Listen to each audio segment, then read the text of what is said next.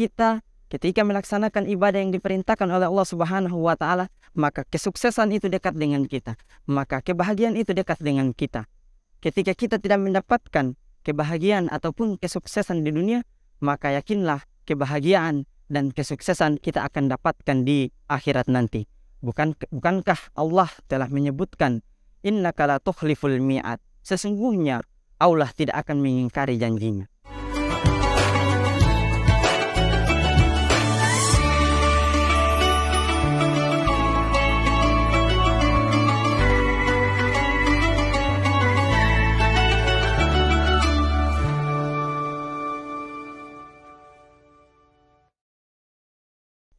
Bismillahirrahmanirrahim.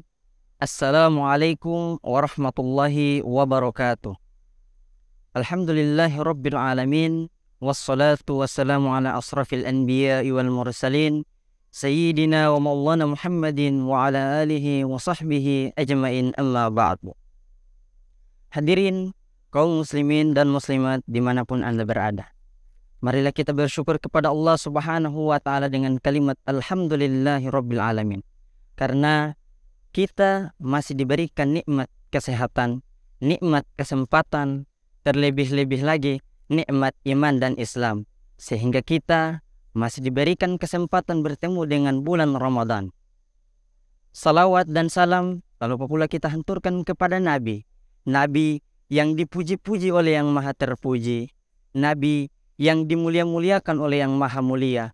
Nabi yang dibesar-besarkan oleh yang maha besar. Siapa lagi kalau bukan Nabi Muhammad sallallahu alaihi wasallam. Semoga kita tergolong umatnya yang insya Allah mendapatkan syafaat beliau di yaumil akhir nanti. Hadirin kaum muslimin dan muslimat di mana pun anda berada. Di dalam tuntunan Islam, kita diperintahkan oleh Allah subhanahu wa ta'ala dalam menjalankan ibadah yang di dalamnya memiliki hikmah ataupun manfaat yang tersembunyi. Seperti kita diperintahkan untuk sholat. Ketika kita diperintahkan oleh Allah Subhanahu wa taala untuk sholat. Lantas kita bertanya, "Ya Allah, untuk apa kita sholat?" Ketika kita bertanya seperti itu, langsung dijawab oleh Allah Subhanahu wa taala melalui perantara lisan para muadzin setelah kalimat hayya 'alas shalah Allah membalasnya dengan kalimat hayya 'alal falah. Ketika kita telah melaksanakan ataupun memenuhi panggilan Allah Subhanahu wa taala untuk melaksanakan salat, hayya 'alal falah. Mari menuju kemenangan, mari menuju kesuksesan. Hadirin kaum muslimin dan muslimat, di dalam kalimat hayya 'alal falah di penghujung ada yang kalimatnya al falah. Al falah ini bisa bermakna dua di dalam bahasa Arab. Yang pertama ada al-fawuz, yang kedua ada al-faroh. Nah, apa itu al-fawuz? Al-fawuz adalah sukses belum tentu bahagia. Sedangkan al-faroh, bahagia belum tentu sukses. Nah, ketika kita menginginkan kebahagiaan dan kesuksesan, maka jawabannya adalah al-falah. Ketika Allah memanggil kita dengan hayya ala sholat. Marilah, mari kita sholat.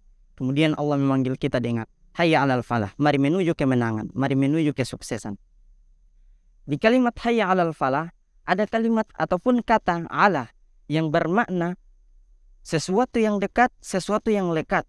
Apa yang dekat, apa yang sesuatu yang lekat, kita ketika melaksanakan ibadah yang diperintahkan oleh Allah Subhanahu wa taala, maka kesuksesan itu dekat dengan kita, maka kebahagiaan itu dekat dengan kita. Ketika kita tidak mendapatkan kebahagiaan ataupun kesuksesan di dunia, maka yakinlah kebahagiaan dan kesuksesan kita akan dapatkan di akhirat nanti.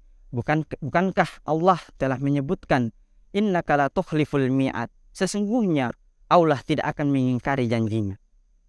Demikian juga dengan puasa yang kita jalankan selama sebulan, selama satu bulan penuh, mustahil tidak tidak memiliki hikmah ataupun manfaat di dalamnya.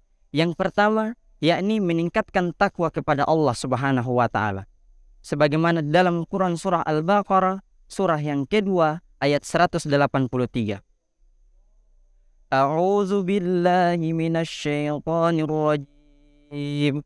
Ya ayyuhalladzina amanu kutiba alaikumus siyam كما كتب على الذين من قبلكم لعلكم تتقون Hadirin kaum muslimin dan muslimat dimanapun anda berada, kita patut bersyukur karena di ayat ini Allah subhanahu wa ta'ala masih memanggil kita dengan wahai orang-orang yang beriman.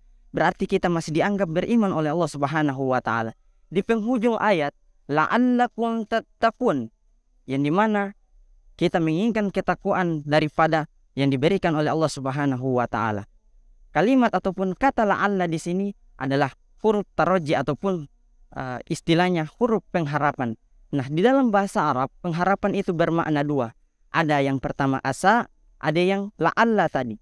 Ketika asa itu adalah pengharapan yang kita menginginkan sesuatu akan tetapi kita tidak memerlukan usaha sama sekali. Sedangkan la'alla ketika kita menginginkan pengharapan, sebuah pengharapan, kita harus berusaha terlebih dahulu.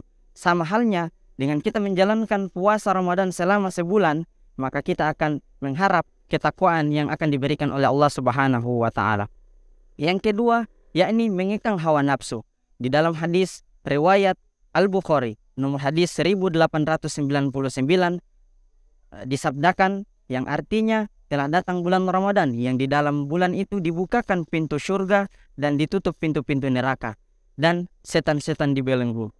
Kalau kita memahami hadis ini dari segi teks saja, maka kita akan gagal memahami hadis tersebut. Namun ketika kita melihat dari segi konteksnya, bermakna ketika di dalam bulan Ramadan pintu-pintu surga dibuka karena apa?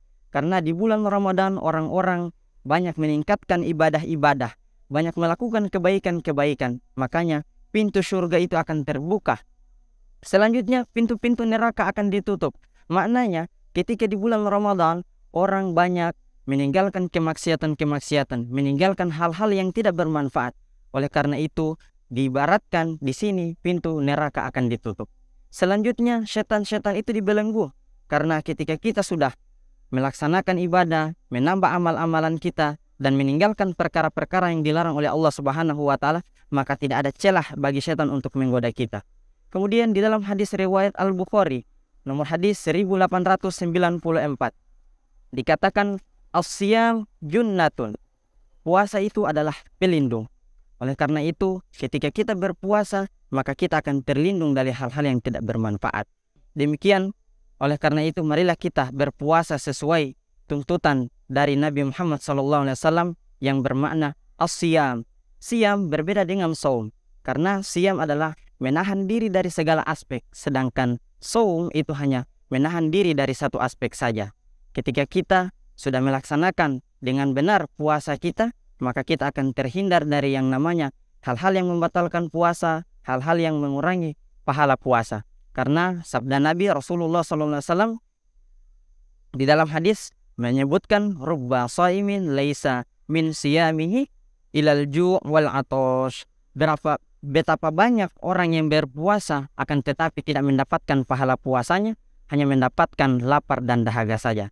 Akhirul kalam, mungkin hanya, hanya ini yang bisa kami sampaikan. Semoga bermanfaat. Khairukum man ta'allama al-Qur'ana wa 'allamahu. Khairukum ta fastabiqul khairat la tahzan innallaha ma'ana wassalamualaikum warahmatullahi wabarakatuh